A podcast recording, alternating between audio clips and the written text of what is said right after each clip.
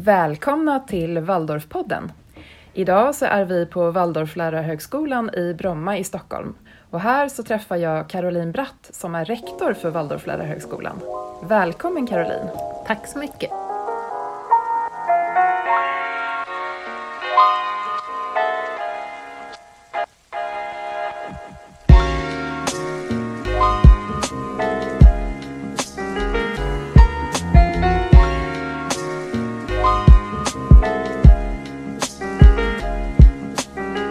Hur kom du för första gången i kontakt med Waldorfpedagogik? På ett omedvetet sätt kom jag i kontakt med det som barn fast jag inte gick på Waldorfskola. Men när jag som 24-årig juridikstudent själv fick barn började jag fundera på vilken slags skola de skulle få gå i. Jag mindes min egen skolgång som ganska torftig på många sätt. Inte i kunskapsmängd men mer i djup och innehåll.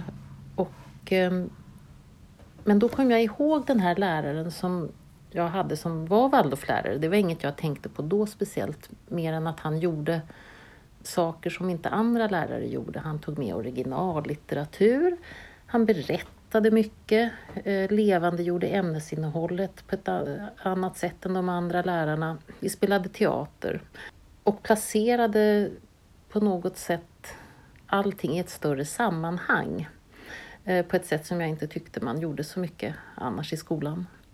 Så när, den, när de här funderingarna då kom när jag själv fick barn, då tänkte jag att jag måste ta reda på mer vad det här med Waldorf är. Och det gjorde jag genom att börja på en Waldorflärarutbildning i Bromma. Så här i efterhand kan jag ju tänka att det var ett ganska ambitiöst sätt att informera sig på, för jag skulle ju inte bli lärare. Och vid den tiden var jag då i slutet på min juristutbildning. Och när jag kom till Waldorflärarutbildningen i Bromma, då mötte jag ett intellektuellt klimat som var mycket mer rörligt tyckte jag och mycket mer allmänbildat än det jag mötte på juridiska institutionen vid Stockholms universitet. Eh, det kanske berodde mycket på grund av på Frans och Birgitta Karlgren som var de lärare jag minns särskilt väl från utbildningen.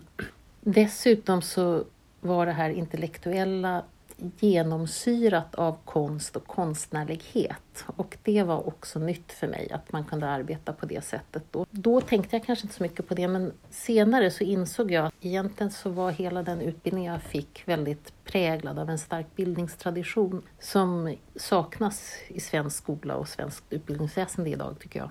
Och jag hade inte alls planerat att bli lärare. Men det blev så och våra barn började på Waldorfskola. Jag blev klasslärare och sen 2006 började jag arbeta här på Waldorflärarhögskolan. Men vad betyder Waldorfpedagogik för dig om du ska gå in mer på det? Jag tänker att när jag, när jag gick utbildningen så tilltalades jag själv av de här ganska stora existentiella frågorna. Um, och i dem ingår ju tankar om skolans och lärarens uppdrag. Att som lärare göra det man kan för att möjliggöra för elever att som vuxna stå på egna ben, att förverkliga sina idéer, eh, ha en förmåga till en slags moralisk fantasi och ryggrad, våga och kunna tänka självständigt. Och det där kräver ju mycket av både lärare och elever egentligen. Eh, man behöver en god kunskapsgrund, man behöver som lärare ha tankar om elevers utveckling, både på ett generellt plan och om varje enskild elev. Eh, man behöver på något sätt också komma till att själv och även att eleverna känner en slags förundran och nyfikenhet inför det man lär och inför det som finns att lära. Och det här tycker jag är på något sätt ett så centralt förhållningssätt i Waldorfpedagogiken. Det, det är en slags förbundenhet med ämnena och med livet och att försöka skapa den här känslan av mening, meningsfullhet och sammanhang. Det är för mig centralt i Waldorfpedagogiken. En stor och viktig drivkraft och intention. Och sen kan man ju fråga sig hur, hur gör man då för att det här ska bli till? Och gör man inte det i andra skolor eller så? Jag tror att man arbetar med det mer medvetet som Waldorflärare än vad man gör generellt i andra skolor. Och jag tror att berättande, konst och hantverk kan vara till stor hjälp i det här det är ett slags arbets och förhållningssätt som hjälper mig att sätta ihop och förbinda känsla eh, och intellekt och tanke på ett sådant sätt så att jag får lust att lära mig mer. Att det liksom skapar just den här förbundenheten med min omgivning och med världen på något sätt och främjar innovation och fantasi, både på ett intellektuellt och ett mer konstnärligt plan kanske. Och att med hjälp av den här känslan skapa hopp och känsla och med det bättre förutsättningar att använda det intellektuella, både för mig själv som enskild person, som elev och för andra. Det tänker jag det är för mig väldigt centralt Waldorfpedagogiskt. Och så tänker jag också mer på skolsystemet idag som präglas så mycket av kontroll. Alltså svensk skola bygger mycket på kontroll, styrning och kontroll. Och det finns ju andra styrmodeller. Man talar ju ibland om tillitsbaserad styrmodell. Och jag menar ju att Waldorfskolan, liksom andra idéburna skolor också, egentligen bygger på idén om tillitsbaserad styrning. Då säger det här någonting inte bara om styrningen, utan det säger någonting om ett förhållningssätt som genomsyrar hela skolan det berör tankar om människa och mänsklighet. Man, man har inte en laissez-faire-hållning, det är inte att man inte vill ta ansvar för saker, men man har en tillit till elever och lärare och det i sig har betydelse för hela situationen för eleverna och lärarna i både förskola och skola. Och som sagt var, inte att man inte ska ta ansvar, men det handlar om att ge utrymme för utbildning och bildning, att tillåta ge ut, utrymme även för det omätbara i världen. I det ligger ju ett väldigt stort ansvar för lärare och förskol och skolledning. Men för mig är det viktigt, en viktig Waldorfpedagogisk kvalitet. Jag, jag, tänker på det här med att du var Waldorflärare. Jag har ju också varit och är väl fortfarande till viss del Waldorflärare. Men, men är det några speciella tillfällen under den tiden som du undervisade innan du blev rektor här på Waldorflärarhögskolan och började jobba mer här? Är det just det här som du berättar om nu, de här olika sakerna som du vill förknippa med Waldorfpedagogik? Är det några speciella perioder eller kanske något speciellt i undervisningen där du känner att här fick det här extra stort utrymme? Det här är liksom särpräglat för det Waldorfpedagogiska på ett väldigt tydligt sätt. Det fanns ett djup i hur man närmade sig de olika ämnena och att man fick befinna sig i ämnena. Ämnena är väldigt viktiga i en Waldorfskola. Det handlar inte bara om att bygga relationer eller arbeta med det sociala, utan ämnena är centrala och man använder ämnena för att komma åt kvaliteter kring det sociala arbetet och så. Det här med att man får stanna länge i ett ämne, fördjupa sig i det, vad det betyder. Det, det, är någonting också att man tillåter en slags långsamhet i det, därför att man stannar upp och man hinner inte alltid allt, men man har en tillit till att djupet kommer förslå på något sätt och att man väcker någonting hos eleverna som gör att jag räknar med att någonting kommer att finnas kvar hos den här eleven även senare, både senare under skoltiden och senare som vuxen. Och jag tycker också att det här att vi har en sån bredd i Waldorfskolan säger också någonting om vår vilja att låta elever få pröva saker, många olika saker, som ett slags led i att de själva ska få upptäcka vad som är viktigt för just dem. Och när vi talar om kompensatorisk skola så tycker jag att den här aspekten är viktig därför att vi ger våra elever möjlighet att prova på allt möjligt. Elever som kommer från hem där man aldrig lyssnar på musik får här sjunga eh, ett avsnitt ur Händels Messias. Man kanske aldrig kommer sjunga igen, men man har fått prova på det en gång och uppleva det en gång. Eller man har fått arbeta med att smida en gång i sitt liv. Och för några elever blir det livsavgörande. Ger elever möjligheter som de själva får välja om de vill ta vara på eller inte. Om man nu ska gå över igen då till det här med Waldorflärarutbildningar och så. Det är ju verkligen en jättestor brist i Sverige på just Waldorflärare, alltså utbildade Waldorflärare. Det finns ju lärare som har en statlig utbildning som ju klart också jobbar mm. i Waldorfskolor och så. Eh, och det, de ska vi inte underskatta på något sätt, de är viktiga. Men, men jag tänker att det kanske finns lite fördomar kring det där att man kanske måste vara en antroposof för att kunna gå de här Waldorflärarutbildningarna. Stämmer det?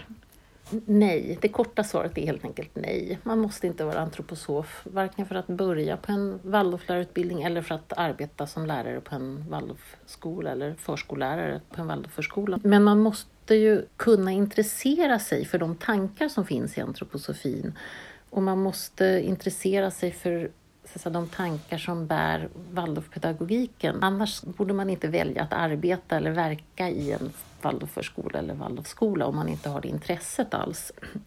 Man måste kunna tänka sig att utöver Lgr 11 också vilja arbeta utifrån en väg till frihet som är eh, Waldorfskolans kompletterande läroplan. Man måste se det berättigade i konstens roll till exempel. Eh, man måste vara beredd att sätta sig in i och lära sig alltså en del rent didaktiskt och en del innehållsmässigt. Ska jag vara klasslärare behöver jag veta något om formteckning till exempel. Eller ska jag arbeta i en Waldorfskola behöver jag känna till något om berättandet och hur man kan arbeta med berättande. Jag tänker att som förälder som väljer Waldorfskola eller Waldorförskola till sina barn så har man ju också vissa förväntningar på att det ska vara Waldorfpedagogik som, som lever i verksamheten. Och som lärare på en Waldorfskola eller en waldorfförskola, antingen jag är Waldorflärare eller inte, så, att så har jag ansvar för att bidra till att det är en Waldorfpedagogisk grund i skolan. Och det betyder ju i sin tur att det spelar roll att lärare vid en skola eller förskollärare vid en förskola har Waldorfpedagogisk utbildning. Man kan ha statlig utbildning och den är viktig. Den kan man tillgodoräkna sig delar av också om man går en Waldorflärarutbildning, men man behöver också den Waldorfpedagogiska utbildningen om skolan så att säga, i längden ska kunna hålla vad den lovar egentligen. Om vi tittar lite närmare då på Waldorflärarutbildningarna som ni erbjuder här på Waldorflärarhögskolan. Kan du berätta lite om dem?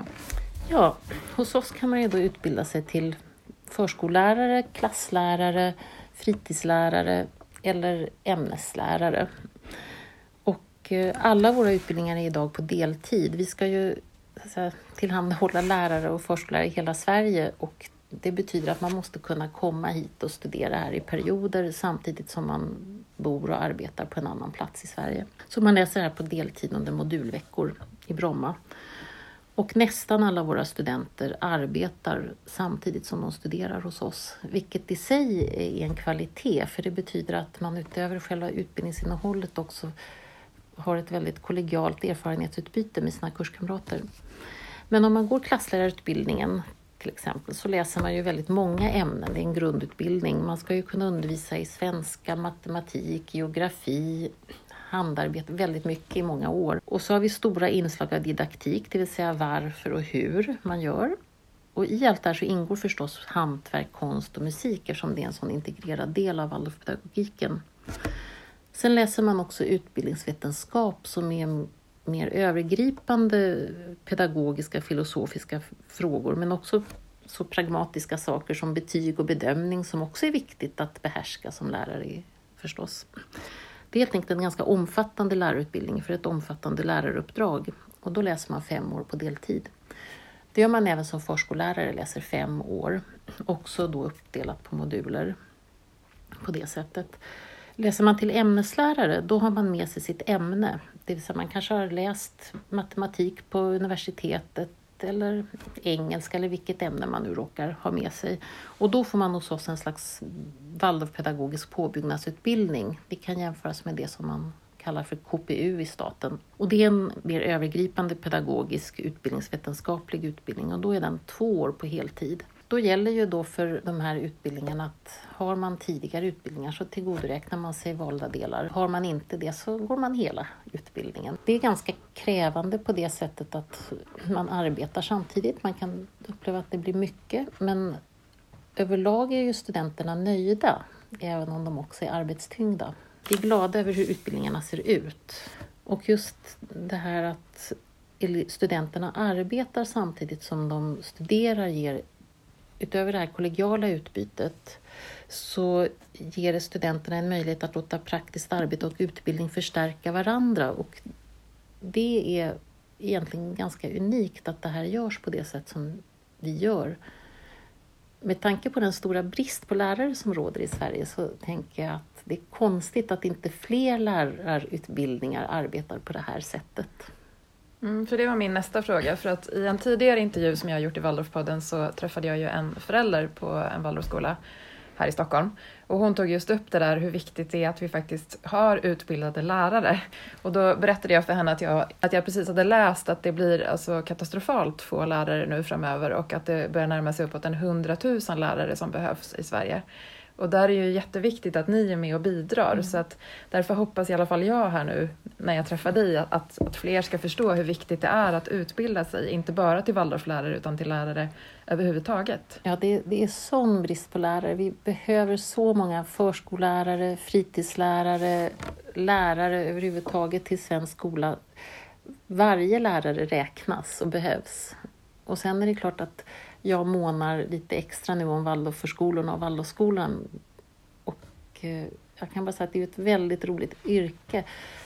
Ja, min erfarenhet är att det är ju ofta föräldrar som kanske väljer att bli Waldorflärare. Man, blir, man väljer inte att bli Waldorflärare när man är 22, eh, inte så ofta i alla fall, utan det är ett beslut man fattar lite senare i livet. Eh, det behöver inte vara fel. Man tillför ju sin skola eller sin förskola väldigt mycket erfarenhet från livet, från andra yrkesområden på det sättet. Och det tror jag spelar roll för våra verksamheter. Men det, ja, jag vill bara säga att det är roligt att arbeta i en Waldorfförskola eller Waldorfskola. Eh, jag tänker på det här med VLH eller Waldorflärarhögskolan. Är det någonting mer som ni gör än bara utbildning? Vi ser det som att vi har ett ansvar för att skapa hållbara förutsättningar för att Waldorfpedagogiska utbildningar ska kunna fortsätta finnas. Eh, och det innebär att vi arbetar på lite olika plan eller mot olika håll samtidigt. En sak vi gör är att vi försöker utveckla en forskningsmiljö och att här, lyfta utbildningen till en akademisk nivå. Inte på något sätt för att tappa det konstnärliga eller det Waldorfpedagogiska utan tvärtom faktiskt utveckla Waldorfpedagogiken, öka vår förståelse för vad det är vi gör, varför vi gör det, vad är tradition, vad är kärnkvaliteter och så vidare. Och också komma i dialog med andra som arbetar med utbildning i, i Sverige och ha ett fruktbart utbyte. Det här kan inte VLH göra helt på egen hand. Det, det, går inte, vi är alldeles för små. Så här samarbetar vi med våra motsvarigheter i Norden, Steinerhögskolan, Snellmanhögskolan, men också eh, med, i ett internationellt sammanhang med kollegor i övriga Europa framför allt. Som eh, Waldorfinstitution så befinner vi oss faktiskt både i ett nationellt och ett internationellt sammanhang på ett ganska spännande sätt tycker jag. Och det ska vi ta vara på just i det här, i det här avseendet. Men det är klart att det är ett långsamt arbete. Forskning dyker inte upp på en vecka. Eh, det tar tid. Det handlar inte bara om att bedriva forskning, det handlar också om att sätta sig in i andra forskningsfält och, andra, och komma i kontakt med andra forskare. Sen arbetar vi också i förhållande till politiker och inte minst utbildningspolitiker. Och det gör vi både självständigt som VLH-institution men också tillsammans med andra som till exempel Idéburna skolors riksförbund eller federationen. Och vi är ju måna om att ha en fortlöpande dialog med våra skolor och förskolor utöver allt det här det är ju få lärarutbildningar, vågar jag nog påstå, som har den kontakt med verksamheterna som vi har med våra verksamheter och som har förmånen att stå så nära dem. Dels gör vi ju det indirekt genom våra studenter som ju nästan alla arbetar ute i verksamheterna men också genom federationen eller riksföreningen Waldorförskolornas samråd. De kontakterna påverkar ju i sin tur utbildningsinnehållet också. Men det är vi väldigt glada för. Så att det det är utbildning, det är forskning, det är politiskt arbete kan man väl säga. Mm. Mm. Och samarbete då med oss på Waldorfskolefederationen och det nämnde ja. du ju där och det, vi är ju jätteglada över att vi dels faktiskt arbetar i samma hus här i Bromma men att vi också har så pass mycket utbyte med varandra. Och det tror jag är väldigt, väldigt viktigt. Det tror jag också och det är ju så att Waldorfförskolor och Waldorfskolor och Waldorfutbildningarna, vi är så beroende av varandra. Det är ju egentligen skolor och ut, lärarutbildningar i övriga samhället också, men det är inte så tydligt där och det är inte lika omedelbart livsavgörande för enskilda lärosäten eller enskilda skolor. Men i vårt sammanhang så är vi verkligen helt beroende av varandras existens. Och VLHs uppgift är inte att det är inte ett egenvärde att VLH finns, utan VLH finns därför att vi ska hjälpa våra förskolor och skolor att få utbildade medarbetare. Om det behovet inte finns så behövs inte heller VLH så att säga. Avslutningsvis då, frågan som jag ställer till nästan alla mina gäster. Jag har inte gjort det till riktigt alla, men nästan alla gäster. Vad betyder ordet Waldorf för dig, Caroline? Och jag tänker att jag har svarat på det redan Mm. egentligen. Jag tycker att det finns någonting... Ja, dels blir jag glad av Waldorf, trots de problem och brister som finns. Jag menar, även mina egna barn har stött på problem i sina skolgångar. Men överlag finns det någonting väldigt hoppfullt och livsbejakande i hur man förhåller sig till människor och samhället och framtiden. Och det tänker jag, det behöver vi idag. Vi behöver känna att vi kan förändra saker till det positiva. Vi kan få... Ja, att saker ska ordna sig och att våra barn ja, kommer klara det, helt enkelt. Det finns hopp. Med de orden så får vi avsluta dagens avsnitt av Waldorfpodden. Stort tack för att du var med. Ja, tack för att jag fick komma.